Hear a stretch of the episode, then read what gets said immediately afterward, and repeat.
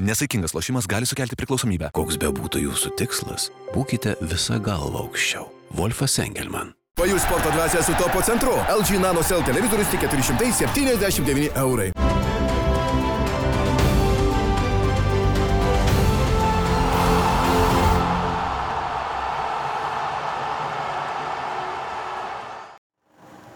Labą, pirmadienį skrieja kamuolys e, ir vėl skrieja, e, įsibėgėja Europos čempionato aštuntfinaliai, turim ir staigmenų, e, bet taip pat turim ir garbingų svečių. Paulius Gritienas su mumis jau antrą kartą šiame turnyre. Kaip vasarėlė tau toliau?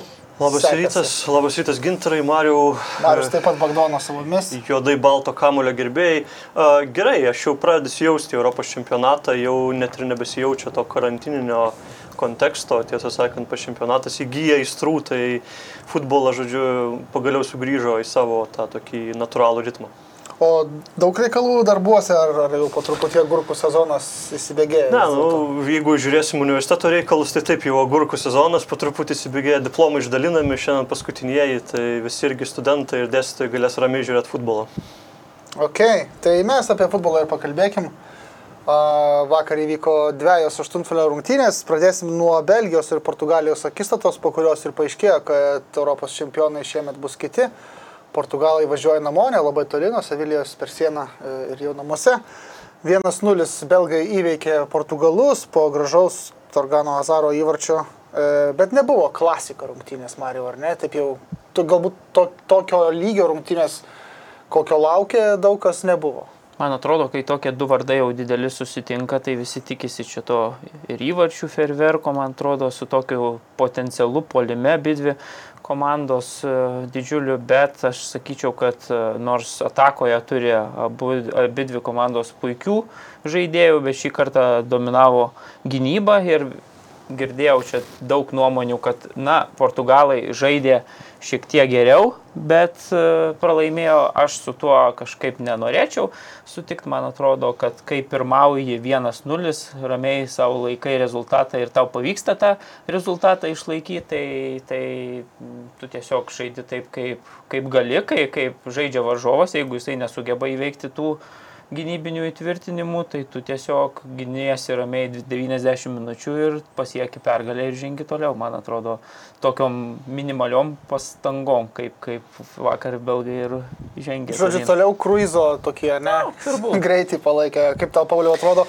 Nes man kažkaip aš norėčiau gal net ir paprieštarauti, nes ten trūko pusmetrio nuo virpsto, kad būtų išlygintas rezultatas, Taip, kad būtų... bet trūko. Diešas Virpstas. būtų įmušęs galvą ten iš šono šiek tiek labiau. Tam prasme, nu ten buvo ir sėkmės Jo, faktorius. buvo nemažai. Guerreiro virpstas ir apskritai aš e, ne, linkčiau nesutikti, na, nepaisant to, kad labai gerbiu Mariu ir jo eksperto statusą, bet visgi manau, kad belgai nebuvo tokie ramus ir, ir, ir iš tikrųjų portugalai buvo gerokai prispaudę juos. Man gal toks ryškiausias dalykas, kuriuo aš aiškinčiau tą techninį broką, kurio matėm šiaip labai nemažai, nes toks įspūdis, kad vos ne pirmos čempionato rungtynės buvo daug netikslių perdavimų.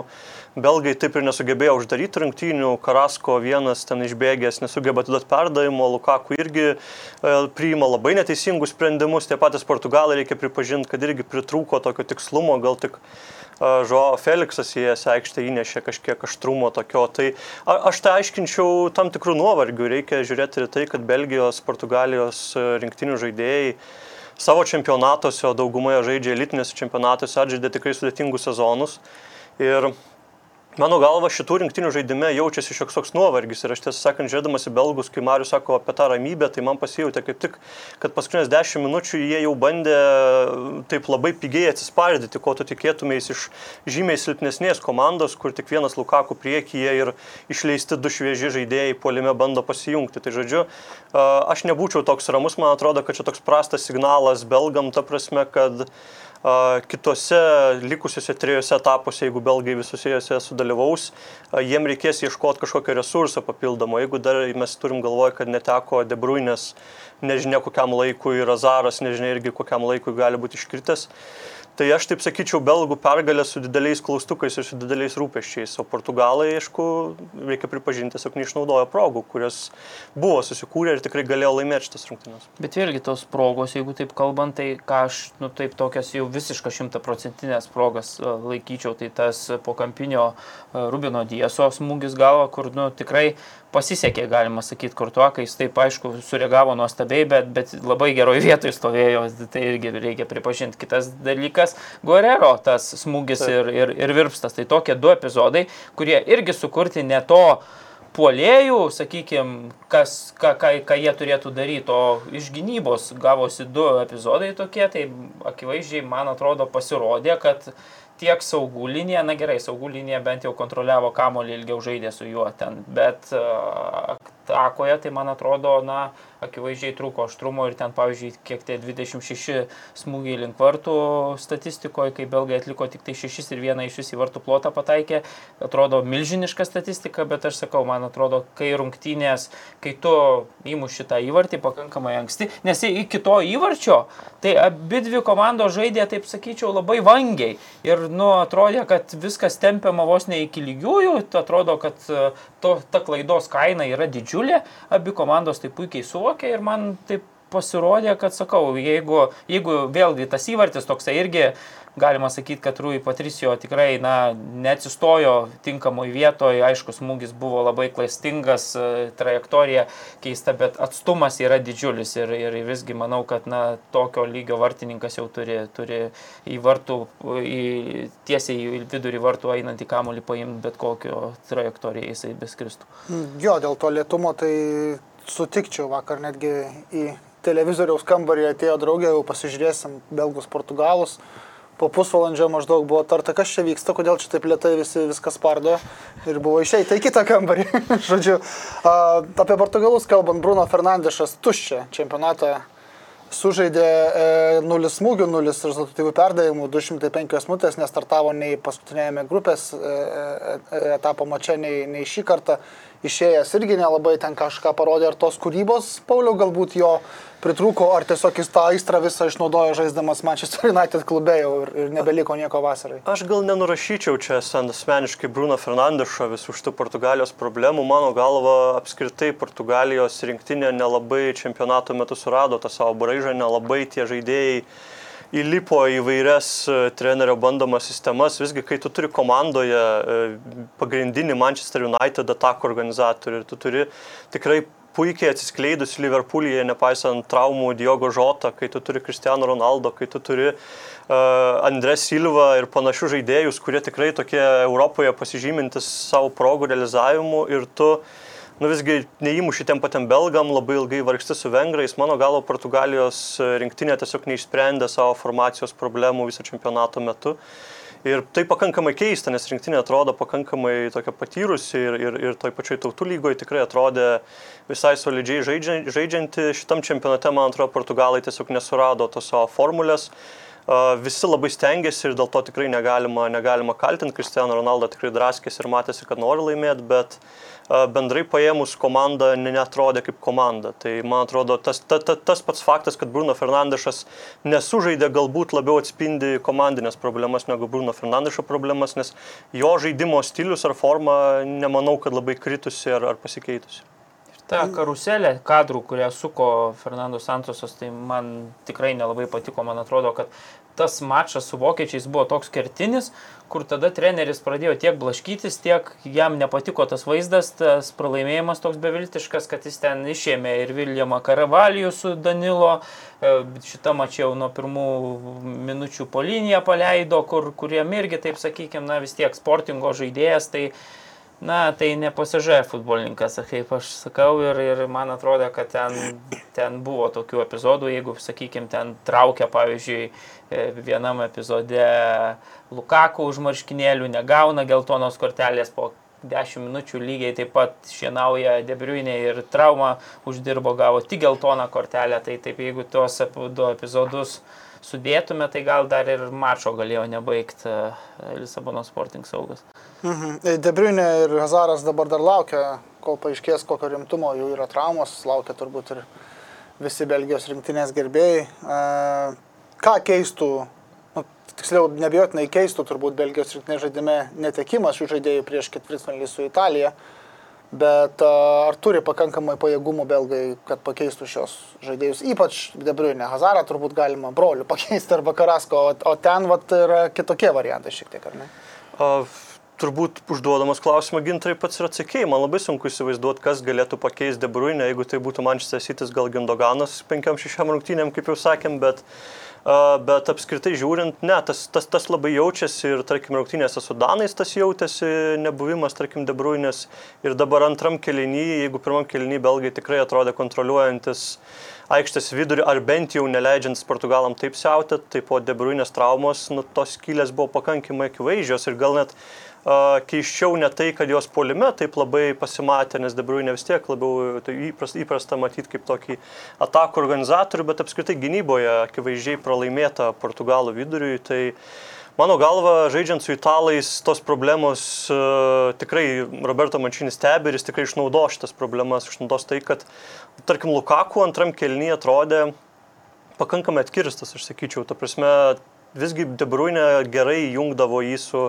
su aikštės gilumą ir, ir šito nebuvo ir, ir tie antram kelni pabėgimai daugiau buvo sąlygoti ne kažkokių, nežinau, belgų gerų perdavimų, tikslių ar gero žaidimo organizavimo, to, kad portugalai jau tiesiog desperatiškai nešėsi į priekį. Tai, tai žodžiu, problemos mano galva nemažos ir Debrunė, Debrunės tikrai nepakeis Azarą. Uh, kol kas netgi aš jau rašiau žinutę vienam bičiuliui, kad kol kas brolis atrodo geriau negu Zaras, mano galva, Zaras kartais blikstelis, aišku, gerai kontroliuoja kamoliu, bet uh, Bet Azaras tikrai yra pakeičiamas. Debrunės atveju, aš sakyčiau, atsivers didelė problema ir talai turbūt atsikratys didelės problemos, jeigu nebus Debrunės, nes jie nelabai turėtų žaidėją, kuris galėtų uždengti, kai nebelikė derosio ar panašių žmonių, kurie viduryje gerai tvarkydavosi. E, jo, gal mes apie tą ketvirtfinalį, kai jau jis prioritės, pakalbėsim plačiau, ar ne, žygiuojam prie kito aštuntfinalio Linderlandai Čekija. A, nu, Mariau, kaip, ne totalinis futbolas, o totalinis kolapsas. E, buvo, Roniai e, The Guardian labai gražiai parašė, kad ne šiaip kolapsas, o žandikaulius atvepinantis kolapsas, toks kaip sulėtinta automobilio avarija. Taip ar ne? Visiškai be lyderio atrodė Olandijos futbolininkai. Tarsime, man atrodo, kad tarsime, nėra vedlio aikštėje. Dejongas ten antram kelnyje jau raudoną myglą prieš save buvo pamatęs. Depajus perdegęs, man atrodo, irgi šiek tiek keisti galbūt ir ta paties debiuro pasirinkimai aikštėje. Kaip tu galvoji? Debiuro pasirinkimai gal ir nekeisti, bet man keista reakcija Deburo, kai jisai nesugeba su, tarkim, jeigu jam pirmos trys rungtynės pakankamai neblogai susiklostė, ten kontroliavo e, Niderlandai situaciją, mušė įvarčius ir atrodė taip visos tokios vienodos rungtynės, tai šį kartą jie sutiko tokį, na, žymiai, man atrodo, kietesnį priešininką visomis prasmėmis. Ir, ir labai gerai šikas pasakė, man atrodo, kad, na, mūsų pavardės nėra tokios ryškios, bet mes laimėjom kaip komanda, tai, tai jeigu tai pažiūrėsim, kaip visas rungtynes spaudė savo varžovus, kaip neleido jiem žaisti. Čia visas oro dvikovas beveik laimėjo. Taip, tai, tai, tai buvo tikrai nuostabus pasirodymas ir čia vėlgi galim kalbėti, kad čia nesužaidė Olandai, bet reikia pagirti čekus, kurie, na, per tą savo kovingumą, per tą presingą tikrai, na, Šilhavai paruoštas planas buvo nu nežinau, kiek kartų geresnis ir, ir kas keiščiausia, kad neturėdamas tokią talentingą komandą, Deburas vis tiek per visas rungtynes nesugebėjo tos problemos įspręsti, kad jo tie trys saugai, sakykime, na, nesugebėjo žaisti šiuose rungtynėse taip gerai kaip pirmasias. Tris minutės Saučiakas vėlgi, na, tikrai nuostabiai su Holešu žaidė, Holešas iš vis fantastiškas rungtynės sužaidė ir, ir įmušė, ir rezultatyvų perdavimą atliko, ir tom ten atram, keliose pozicijose žaidė, atraminiai zonoje Frenki su, su Vinaldumu stabdė. Nu, tikrai fantastiškas pasirodymas ir, ir jisai pats sakė, kad čia mano gyvenimo rungtynės ir, ir, ir tikrai rungtynių geriausių žaidėjų išrinktas buvo nebereikalo. Bet, e, sakau, man labai nustebino ir nuvylė, kad na, Olandai matai, kad neina, tas žaidimo planas visiškai nesiseka ir vis tiek jokių sprendimų. Individualus meistriškumas irgi atrodo tik tai Dumfries e, e, vienas ten dar tam kažkiek dešiniam krašte iš to tokio jaunatviško entuzijazmo, iš tų fizinių savo savybių das kažką sugebėjo pakurti. Bet kitas dalykas, reikia pripažinti, kad kol tą e, epizodas buvo prieš tą įmuštą pirmą čekų įvartį, Olandai jau turėjo puiku, puikią progą pasižymėti, na, nepavyko ir tame epizode Vačlikas irgi pademonstravo tikrai fantastišką, fantastišką žaidimą. Tai. Ir, taip, bet kaip bebūtų, turbūt abu įvarčiai krito po dar vieno epizodo, kuris ir aistrų daug sukėlė ir, ir manau, kad ir jūs nelabai sutinkat viens su kitu, kiek teko nugirsti vieną ausim prieš laidą. Raudona kortelė deliktui. Uh, tai buvo ar nebuvo ta raudona kortelė, Pauliau, tavęs paklausiau, ar nebuvo šikui pražangos prieš deliktą, prieš tai, tuo pačiu tiksliau momentu iš serijos, nes aš nežinau iki galo tiksliai, ar labai buvo specialus tas lėtimas ranka, ar visgi taip jau su, su, susidėliojo ta ranka, kad kaip rankinį ar regbėje numušė tą kamuolį. Tai aš prisidėčiau prie to bejonę, aišku, čia mums ginčytis dabar su teisėjų, te, teisėjų Sergejumi Karasiovu po laiko yra šiek tiek beviltiška, bet uh, turbūt aptarinėt futbolą ir neaptartų uh, tų tokių epizodų, kurie kelia daugiausiai ginčių, būtų irgi kvailoka. Tai taip, man, mano galva, raudono kortelė nebuvo tokia akivaizdi ir aš e, net ir čia prieš laidą kalbėdamas su Marium sakiau, kad mano galva čia truputį Uh, truputį toks įrodymas nedidelis, kad ne varas viską lemia, kad lemia ir tam tikri teisėjo taisyklių traktavimai, situacijos traktavimai ir uh, Teisėjas šį kartą, nepaisant to, kad aš prisidedu prie ditarambų Marijos čekam ir aš jau praeitoje laidoje dalyvaudamas gyriau čekus. Ir, ir mano galva tai turbūt komanda, kuri, kad ir kaip tai skambėtų taip drąsiai, gal, bet net, net, net netrodo, kad turi labai silpnų vietų. Ta prasme, galbūt talento prasme nėra tokia stipri kaip likusias ketvirtfinalio komandos, bet to paruošimo, strateginio paruošimo žaidėjų savybių prasme tai puikia komanda, bet grįžtant prie, prie to, kas pasakyta, mano galva teisėjas visgi nulėmė šiek tiek rungtynių eigą ir baigti. Nes nu, ta pražanga irgi akivaizdžiai, pripažinkim, išmušė iš vėžių Olandus, kurie šiaip šiek tiek nervavosi, gal kad nepavyko įmušti to pirmojo įvačio. Uh, ir tas Frankie de Jong. Čekai buvo prieš tai, man atrodo, kad geresni tiesiog, net ir apie nu, kitos raudonos kortelės. Čekai, čekai galbūt tikslesni, čekai galbūt atrodė racionalesni, labiau tai, ką paminėjo Marius, labiau savo žaidimo plano, net ne tiek besilaikantis, gal tikintis labiau, tai atrodė, kad Olandai nelabai tiki to debūro planu ir gal tas Denzelio Dumfriso lakstimas pirmin atgal gal ir rodė tai, kad nu, tas planas nelabai veikia, tai kiekvienas įmasi savaip. Bet e, visgi taip, aš pripažinsiu, kad man, mano galva teisėjo sprendimas buvo abejotinas, aš sakyčiau taip, nes aš nemačiau ten tikros paskutinės vilties kažkokios pažangos ar, ar pažeidimo. Visgi prarado balansą deliktas ir jisai krito ir palėtė kamlių ranką ir tai buvo užbodas aikštelės ribų. Ir buvo galima, manau, traktuoti tai kaip geltoną kortelę. Vėlgi, aš sakau, buvo galima, čia aš nekvestionuoju to, kas jau įvyko, bet akivaizdu, kad tai pakeitė rungtinio eigą ir, ir aš nu, tikrai esu tikras, kad čekam nebūtų buvę lengva laimėti 0-2, jeigu Niderlandai nebūtų tai pasimetę po to epizodo. Nu, tarkim, va, PP vakar, ar ne, Portugalijos, Belgijos rungtynės irgi buvo, turbūt galima rodyti raudoną kortelę, ar ne, bet teisėjas tuomet nusprendė nesugadinti rungtynių. Čia, čia, man atrodo, šiek tiek pagadino, ar ne? Nu, tai jūs lyginat Brichą su Karasiovu, tai irgi, man atrodo, viškiai kalibras čia truputėlį kitoks. Yra šitų dviejų teisėjų. Na, tu manai, kad vakar labai valdė situaciją rungtynėse Belgijos ir Portugalijos? Teisėjas, taip. Nu, pažiūrėkime, geltonas korteles, tai ką, nevaldė gal paskutinių 20 minučių, kai, kai tik tai jau portugalai, žinom, kad pietietiška tauta pradėjo nervintis ir, ir Pepe pradėjo ten daužyti, sakykime. Nu, tai man atrodo, iki to pakankamai neblogai kontroliavo situaciją ir, ir aš bent didelių klaidų teisėjo darbe, sakykime, ar ten prieštaringų sprendimų nematau. Čia, aišku, sugrįžome į tą pirmą mačą, bet tik tai tiek, kad, nu, jeigu tu emocingai elgesi vienas futbolininkas ten griebė, daužo kitą futbolininką, tai natūralu, kad, na, teisėjui reikia kažkokius sprendimus priimti ir tada, nu, vėl. Bet vėlgi, kiek jisai parodė kortelių, tai taip labai parodė rezervuotai ten Ir galim prisiminti, kaip pavyzdžiui, ten Ivanovas pasaulio čempionate dalino korteles visiems iš eilės už tokius, pavyzdžiui, epizodus ir tada ten vėl ir, ir kortelių rekordai buvo ir niekas tikrai nesakė, kad gerai sukontroliavo mačą dabar. Kaip delikto sugrįžk, prašau. Delikto situacijoje, man atrodo, aš tai traktuoju kaip ir, ir turbūt Karasiovas traktavo taip, kaip paskutinės vilties pražanga, nes į tome epizode, jeigu, sakykime, jis būtų ta ranka nesužaidęs, tai labai tikėtina, kad šikas būtų nuskuodęs e, vienas prieš vartininką ir turės šimtaprocentinę galimybę. Turbūt bet, bet... taip traktavo. Bet kitas dalykas, aš sutikčiau, kad to žaidimo uh, tyčinio ranka nebuvo tam epizode. Aš jau, kai, kai ta prasme, ėjo tikrint e, Karasiovas su varu, galvojau, eina tikrint, ar, ar tyčia nesužaidė, nes jeigu jau tyčia sužaidė, nu tada tu jau man irgi nepasirodė, kad tyčia ten būtų sužaista. Tiesiog neis, neišsilaikė ant kojų, griuvo, na ir, ir ranka lietė. Bet tai va, tai, tai man atrodo, bet aš sutinku, kad tai buvo raudona kortelė. Daug kas ir pastebi, kad problema yra vien tai, kad toje situacijoje atsidūrė deliktas e, prie, prie, prie šiko ir, ir pastebi tą prasme, kad e, e, kai Debūras perėjo nuo tradicinio 4-3-3 į 3-5-2, tai, tai tranzicija į gynybą tampa sudėtingesnė. Ir dėl to e, deliktas atsidūrė tokioje situacijoje, kai jis turėjo nugarą, e, tiksliau, pilvo į vartus e, priiminėti kamolį ir ten jį spaudžia šikas ir tada taip jau sukrinta jo rankos ar, ar ten koja susiklaipo, galbūt sukrenta taip kamuolys atsimuša ir viskas, raudona kortelė.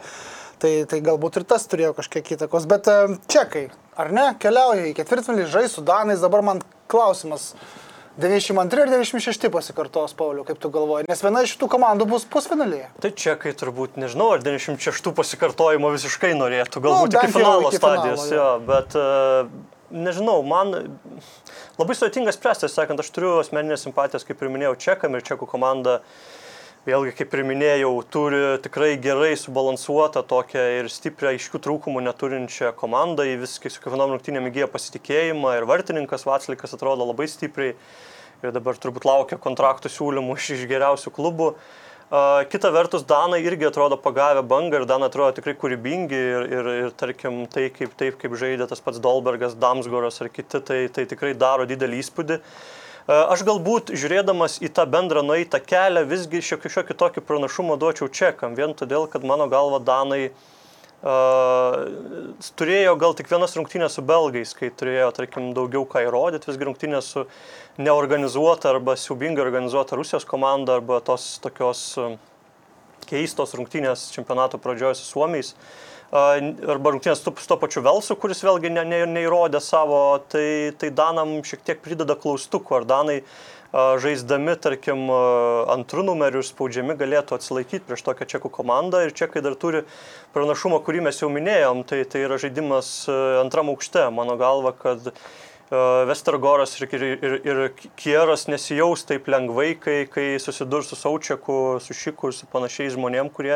nu, tikrai lipa per galvas ir atakuoja ir bando fiziškai, taip sakant, užlaužti kitą komandą. Tai aš visgi gal duočiau tą 1 procentų pranašumą čekams šiuo atveju, uh, bet abi komandos, taip kaip ir tu ir minėjai, klausime iš tikrųjų demonstruoja turbūt geriausią futbolą nuo tų metų, kurie minėti yra. Ir iš tikrųjų atrodo, atrodo labai gerai, jie būtų treneriai, turbūt yra čempionato savotiški atradimai, tie, kas nežinojo jų, tai tikrai įsimins jų pavardas. Ir, ir šiaip iškilo iš abiejų komandų daug žaidėjų, gali tikrai, manau, pasirašyti neblogus kontraktus. Jau ten minėtas Damsgoras gali iš Samdorijos savo išvažiuoti, Dolbergas iš, iš Nicos.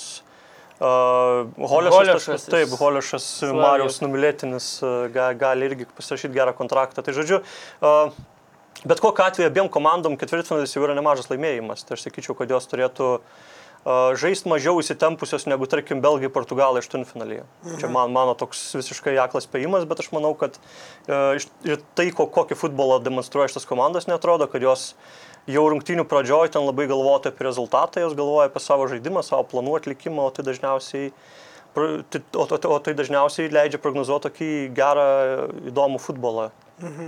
Taip ir įsivaizduoju, Patrikas Šikas nusipirka Crystal Palace, penki įvarčiai per sezoną. Toks scenarius labai dažnas po čempionato būna, kai Anglijos vidutiniokai Galės keisti bent tiek. entuzijazmo apimti, nusipirka gerus žaidėjus ir tada tiesiog pamato, kad sezono metu visko būna. E, Gerai, primename, kad mus remia bendrovė Top Sport ir dabar keliaujame į trumpą pertraukėlę, tuomet kalbėsime apie tai, kas bus žaidžiama ir laimima šiandien. Top sport lažybos. Nesaikingas lošimas gali sukelti priklausomybę.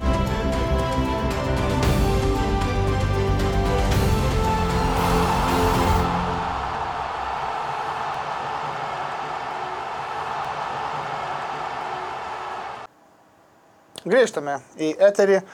A, Kroatija, Ispanija, Prancūzija, Šveicarija. Šiandieną a, pradėsim nuo Kroatijos ir Ispanijos akistatos. Mariau, a, komandos lyg ir neblogai pažįstančios e, viena, kit, viena kitą, ar ne, žaidėjai, e, kai kurie Kroatijoje su rinktinėje rungtyniauja, ar yra rungtyniavę Ispanijoje, ar ne. Kaip manai, kas yra šios akistatos favoritai? Aš labai sunkiai juos išvelgiu. Bet vienas ispanas yra rungtynėvis Kroatijoje. Vienas- Ilgai, Danio Olmo. Vienas ispanas nėra, nėra žaidęs Ispanijoje. Ispanijos čempionate jo nėra. Mes kalbam žaidęs. apie Danį Olmo, beje, turbūt ir galim pasižiūrėti į jį Zagrebo akademijos, e, Zagrebo Dinamo akademijos auklėtinis, buvo sulaukęs Vilionių ir iš Kroatijos futbolo federacijos, kad atstovautų Kroatijos Jo, rinktinį, bet 16 metų persikėlė į Kroatiją, pasirinko tokį tikrai neįprastą kelią. Žinom, kad tos e, akademijos Ispanijos e, stipriųjų klubų yra labai stiprios, bet jisai nusprendė eiti kitų kelių, išvyko į Zagrebo Dinamo, tame klube praleido šešis metus. Dabar žaidžia Leipzigė ir niekada, kaip Gintaras minėjo, nebuvo Ispanijos e, klubo futbolininkas.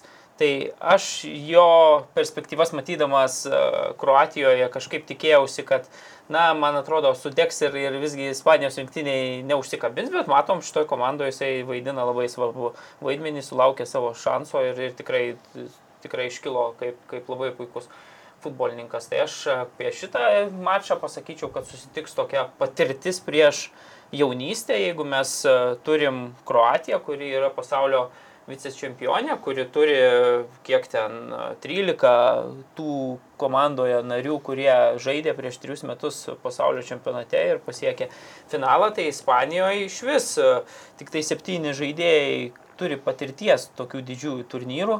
Žinom, kad vienintelis Sergio Busketsas yra pasaulio čempionas dar likęs šioje komandoje irgi svarbi figūra, tai man atrodo bus labai įdomu. Abi dvi komandos, pasakyčiau, kad įgauna tą kylanti, kylančią formą, tas labai yra svarbu. pikuoja, kaip sakyti. Jo, ir, ir, ir ma- matosi, kad tai vis tiek yra didžiųjų turnyrų abi dvi tokios komandos, tada, kada reikia, ta forma pradeda kilti. 5-0 laimėjo Ispanai, 3-1 laimėjo Škotus nugalėję Kroatai irgi taip solidžiausias, geriausias rungtynės sužaidė bus tikrai labai įdomus mačas, man atrodo. E, Lažybininkų prognozija tokia - 60 procentų skiriama Ispanijos pergalė, 15 Kroatijos, lygiosiams 25 procentai, o dėl patekimo kitą etapą 26 procentai, kad tai padarys Ispanija. Pauliau, a, ką Daniel Olmo gali pasakyti apie kruotus Ispanams, pavyzdžiui, ar ne? Kokia tai rinktinė yra šiuo metu? Uh, aš tiesą sakant nesu tikras, kad Daniel Olmo gali ką nors pasakyti. Man atrodo, kad uh, Luka Modričio žaidimas realia daugiausiai ispanam turėtų pasakyti apie tai, kokia Kroatijos rinktinė yra.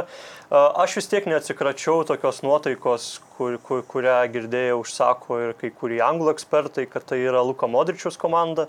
Ir kad kruatai išjungus Luką, ko nepavyko padaryti škotams, pavyzdžiui, atrodo visiškai, visiškai uh, blankiai ir, ir nieko, nieko tokio geresnio nesukuria. Tai man, manęs neįtikino kiti kruatų žaidėjai, sakykim taip. Tas pats ir su ispanais, tiesą sakant, jeigu, jeigu aš taip bendrą savo nuotaiką pateikčiau apie šitas rungtynės, tai būtų tokios neįtikinusių komandų varžytuvės, nes uh, nepaisant to, kad ispanai Slovakus kaip, kaip ir nusiaubė, taip sakant, su, sutriuškino netgi, bet vėlgi Uh, Man atrodo, kad ispanai turi problemų su realizacija ir tos rungtynės su slovakais buvo daugiau slovakų sugrįvimo po Dubrovkos klaidos rungtynės, nes iki tol matėm irgi ispanų tokį lengvą pasimetimą, tas neįmuštas Moratos 11 m baudinys ir panašus momentai rodo, kad komanda visgi nėra taip gerai, nežinau, pasiruošusi, pasitikinti savim, kad, kad vat, kaip minėti Dan arba Čekai tiesiog atlikinėtų savo uždavinius aikštėje.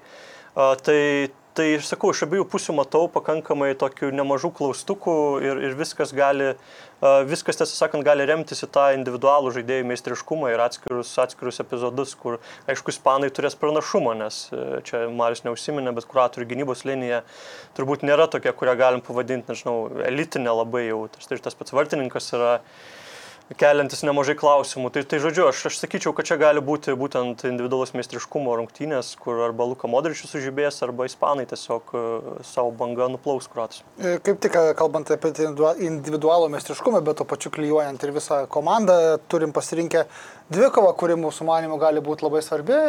Šį vakarą Luka Modričius prieš Sergio Busketsą, tiesą sakant, man atrodo, netgi aikštėje susidurs tiesiogiai, nes vienas yra kūrybingas saugas, kitas yra atraminis saugas, e, net ir atstovauja žaidėjai dviem e, mirtiniem priešininkam, Barcelona ir Madrido Realas, abu yra jau veteranai, Modričius e, vyresnis šiek tiek ir, ir rinktinėje daugiau rungtynių sužaidęs ir ilgiau turbūt žaidžia rinktinėje pačioje be abejo, bet tikrai turbūt labai svarbi Mario bus šita kova aikštės viduryje, a, jeigu aišku Sergio startuos, gali būti, kad e, Luisas Enrique pasirinks kažką kitą į vidurį, kaip tu Aš manau, kad po pastarojo mačo, kai jie laimėjo 5-0, matėm, kaip Sergio Busketsas gerai tiek gynėsi, tiek pradėjo tas atakas, tai manau, kad šitam mače irgi žinant patirtį visgi atkrintamosios, tai toks jau kertinis mačas, kur arba arba važiuoji namo, arba tai eini toliau, tai man atrodo, kad nuo tokį žaidėją dabar laikyti ant suolo, ypatingai po tokių rungtynių gerų būtų visiškas nesuprastas Luisas Enrique. E, Paulius labai neblogai pasakė apie tą ar pavyks išjungti Luką Modričių, aš dar pasakyčiau, kad man tokie ispanai komanda, kuri, ai mažai galvoja, ką čia kaip išjungti. Ir tai yra dar didelė jų problema, nes jie su to kamoliu žaidžia ilgai ir ta prasme toks atrodo, kad, na, kartais gal to realizacijos pritrūksta, kartais ten, bet, bet jie, na, grėsmės tos didelės tokios neturi ir neturi kada galvoti apie kažkokio žaidėjo išjungimą, nes patys tiesiog nežinau, ten 70 procentų laiko gainioja tą kamolį. Bet čia aš matau tokį vėlgi vieną dalyką, kad, kad kruatai yra pirmoji, man atrodo, ta komanda šitam čempionate, su kuria jau susidurs uh, ispanai, kuri turi tiek kokybės aikštės vidury, kad tuos greitus jų perdavimus, lietus, te, nu, greitus lietus, uh, pamiksuotus, trumpus, ilgus lengviausiai galėtų išardyti, man atrodo, ta patirtis, ta kokybė, kurią turi aikštės viduryje kruatai, tikrai, man atrodo, taip lengvai neleis žaisti su tuo kamoliu. Taip, tu, aišku, turbūt vis tiek kontroliuos kamolį daugiau ispanai, bet man atrodo, tų perimtų kamolių šį kartą spaudimo bus e, daugiau. Ivanas Perišičius reiktų paminėti, nebus šiuose rungtynėse tikrai svarbus žaidėjas, ypatingai... Kas įkeis? Nežinau. Oršičius? Gal, gal. E, Tai Ivanas Perišičius, reikia pasakyti, kad COVID susirgo 10 dienų savizolaciją. ir- Užsikrėtė, ir- nesusirgo, o užsikrėtė. Yra užsikrėtė. skirtumas. Gerai.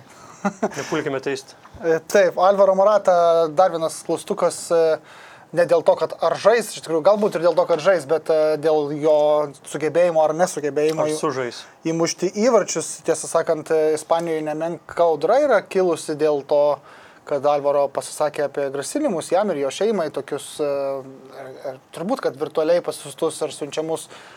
Luisas Enrique irgi sureagavo į tai ir, ir nusprendė pasisakyti, kad policija turėtų rimtai sureaguoti į tokius nusikaltimus. Iš tikrųjų tai yra nusikaltimai, kad ir ką viso pasaulio, skaitant Lietuvos internautai, galvotų, bet hate speechas ir grasinimai internetu irgi yra grasinimai. Taip kad taip jau yra. Gerai, žygiuojant toliau, turbūt po truputėlį. E, Prancūzija, Šveicarija, vakarinis mačas, 10 val. tikėkime, nebus pratesimo, nes reikia pamiegoti. Prancūzijos rinktinės pergaliai 63 procentai, Šveicarijos tik 14, lygiosiams 23 procentai. Ar aiškus favoritas Pauliau čia yra? Na, nežinau, mano akiai tai pakankamai aiškus, aš netgi nustebau, tiesą sakant, išgirdęs dabar, kad ispanų, kruatų ir prancūzų, šveicarų santykiai pakankamai panašus, ar ne? Mano galva, Ispanija, Kroatija žymiai lygesnės rungtynės, kuriuose aš labiau tikėčiau pratesimo. Tai, nežinau, šveicarai, ta apskritai pirma grupė, kurioje žaidė italai, paliko tokį slogoką įspūdį, nepaisant to, kad ten Šveicarija, Velsas gal buvo ir, ir tokios visai kokybiškos rungtynės, bet bendrai paėmus turkai apskritai, kaip jau turbūt kalbėjau, atrodė siaubingai. Velsas irgi labai klibanti komanda. Nu, šveicarai iš tos grupės išėjo, išėjo į kitą etapą, bet mano galva tas ta įvačių banga prieš turkus ir ta progų banga turbūt prieš turkus nieko neįrodė, o prancūzai... Na vėlgi, turbūt žiūrint į prancūzų rungtynę su portugalais, gal ir gali kilti klaustukų, bet bendrai paėmus man išdėlioja sudėtis vieną prieš kitą, tai na, nežinau, mano galva, nei vienas šveicarų rinktinės žaidėjas nepatektų į prancūzų rinktinės finaliktuką, net e, Šačyry turbūt ne, nepatektų. Tai, tai daug kalbėti apie tai, kad šveicarai turi, nežinau, realių šansų ir kad čia pasikartos Italijos, Austrijos e, variantas, mano galva, ne. Aš būčiau visgi, aš būčiau už, užtikrinta prancūzų pergalę, mano galva, prancūzai įrodys e, savo ir, ir kol kas jie žaidė bent jau be tokių didelių uh, trūkumų, kur, kuriuos šveicarai galėtų išnaudoti kažkokiu būdu. Mario, vat kaip tik ekrane matom ir e, talentus prancūzijos rinktinės, ir Pogba, ir Krismanas prabėgo, ir Mbappé. Yra kalbų apie tai, kad polimas vis dėlto šiek tiek stringa polim, e, prancūzų šiame čempionate. Pavyzdžiui, Mbappé dar įvarčių neturi, ar ne? Tai va, kai Kilianas MVP dar neįmušęs, tai tada visiems prancūzam atrodo, kad uh, polimas stringa, nes, nes nuo jo, žinom, kaip priklausė komandos žaidimas 18 metais pasaulio čempionate, jis keturis, jeigu gerai atsimenu, įvarčius įmušė ir, ir tikrai.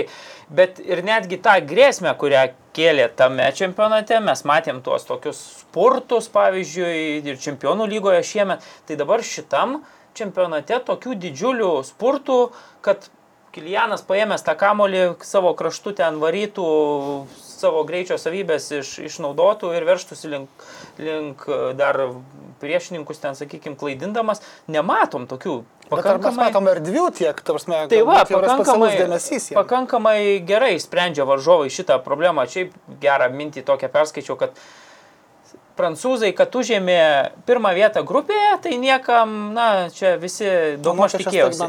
Bet kad tik vienas rungtynės pirmame etape laimės, tai čia jau truputėlį daugam yra netikėta. Tai man atrodo, tikrai reiktų su tuo sutikti. Tas žaidimas toks visi matom, na, visi tikimės iš prancūzų, taip jie ten, sakykime, ir tas ketvirtas rungtynės taip iš patogios padėties atėjo, kad gal nereikėjo viso meistriškumo demonstruoti prieš portugalus, bet to žaidimo tokio jau labai įtikinamo nėra. Vėlgi Benzema taip sumušė tos du įvarčius, bet Grizmanas įmušė beje irgi labai svarbu įvartį, bet tokio laisvumo, na tikrai gal šiek tiek dar ir trūksta. Reiktų pasakyti, kad šitą mačią e, nebus e, Liukodinė, nebus e, Turamas ir taip nedaug. e, ned- Nedidelį vaidmenį šitoje komandoje vaidina, kas dar nebus uh, uh, Žiulio Kundė irgi Turbūt e, gera, ge- geras dalykas tas, kad Liukas e, Hernandesas e, turbūt grįžta į reikiuotę, tai yra vis tiek svarbus žaidėjas, man atrodo,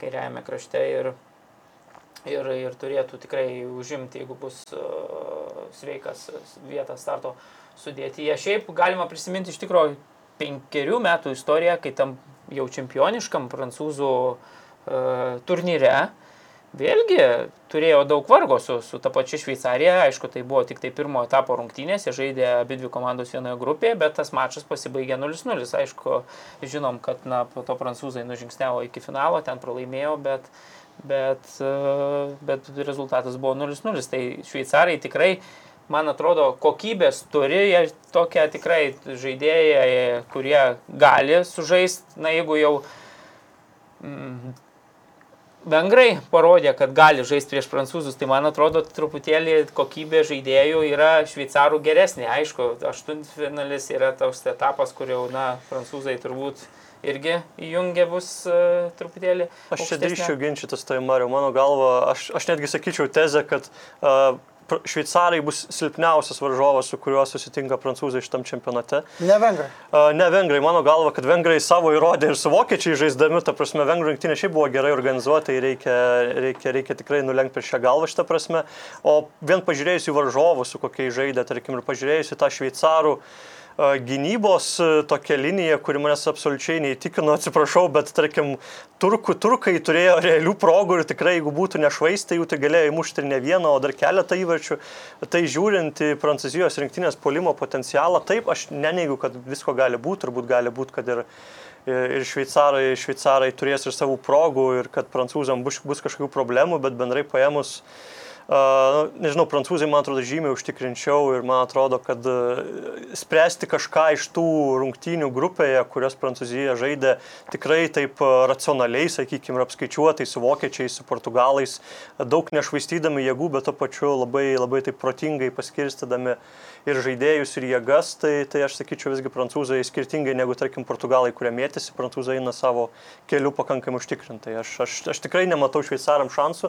Jeigu šveicarai nugalės, tai aš sugrįšiu čia, taip sakant, laidą ir, nulenksiu galvą tada prieš, prieš, prieš Jeigu Marijos. šveicarai laimės, Tai aš mes nekviesim ir spręsim klausimą. Jokių būdų netvirtinu, kad čia šveicarai favoritai ir čia dabar galim, galim nežinau, laukti jų pergalės, bet aš sakau, kad gerai sukritos kortoms, man atrodo, kad visai gali vėlgi tos nulinės tokias pačias lygiasias kaip prieš penkeris, penkerius metus jie na, išvargt. Žiūrėsim, aš tai turiu spėjimą, vyrukai, kad Rafaelis Varanas po, po kampinio įvartis galva 1-0 prancūzijos nepergalė. 2018 metai man kažkaip e, šiemet kitokia, be abejo, rinktinė, kaip ir minėjo Marius, aštrumo greičio šiek tiek kol kas, arba jie nerodo jo specialiai ir nebuvo čia ko ardytis per nelik, nes vieną pergalę iškovojus ir lygiasias pasiemus jau buvo kaip ir aišku, kad tu keliausi iš grupės tos netgi mirtininkų. Gal dabar kaip tik jie jungs antrą pavarą, jau šiemet e, turbūt buvo tokių komandų. Aš sakyčiau, kad tiesiog potencialas Prancūzijos yra pakankamai ryškus. Mes čia ap- apkalbėjom Portugalus, tai man labai gerai palyginimui tinkančios komandos, kur Portugalai irgi atrodo ant popieriaus turi tikrai ne ką prastesnę sudėtį, bet nerado savo tų sprendimo būdų ir, ir jau iškrito, o prancūzai atrodo visgi turintis aišku planą, tiesiog, e, kaip ir minėjom, nu, tarkim, Bape neturėjo savo tokių labai gerų šansų, a, kiti žaidėjai galbūt irgi neatsirado tose progos arba neužbaigė tam tikrų progų, tarkim, rungtynėse su vengrai žiūrint, bet bendrai paėmus prancūzai atrodo užtikrinti. Čia Bet- mano Psichologinis spaudimas irgi prancūzų ant pečių Taip. griūna, čia be jokios abejonės. Iki pirmojo įvarčio, man atrodo. Tai taip, bet reikia tą pirmą įvartį įmušti. Lygiai Taip, taip pat, taip. pavyzdžiui, kai rungtynėse Austrija, Italija, mes matėm, ko, Taip. ko viskas, aišku, pasibaigė vis tiek favorito pergalė, bet Austrai neturėdami ką prarasti, jau laimėję šitam čempionate. Puikiai žaidė, na ir, ir tikrai akimirkom net italam šiek tiek nusišypsojo sėkmė tame epizode. Tai aš man tarp Austrų ir Šveicarų matau daug paralelių, kaimininės valstybės, daug tų pačių žaidėjų. Arnautovičiaus kelį, taip sakant, italai prasprūda. E, Gerai, e, trumpa pertraukėlė, po jos užduosime, tiksliau, įteiksime prizą. Tai va. Top sport lažybos. Nesaikingas lošimas gali sukelti priklausomybę.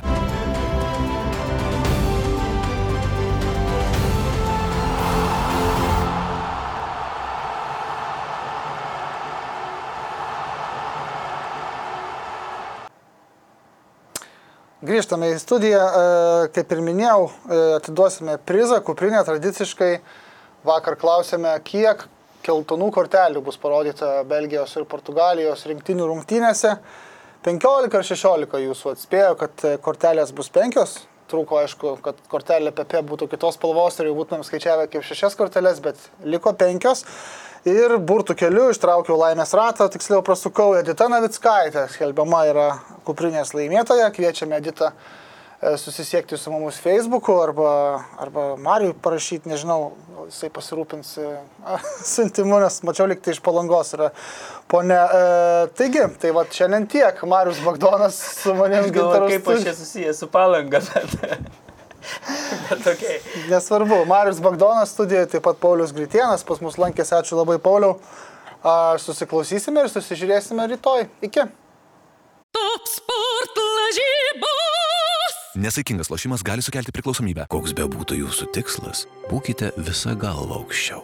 Wolfas Engelman. Pajus sporto dvasia su topo centru. LG Nano Cell televizorius tik 479 eurai.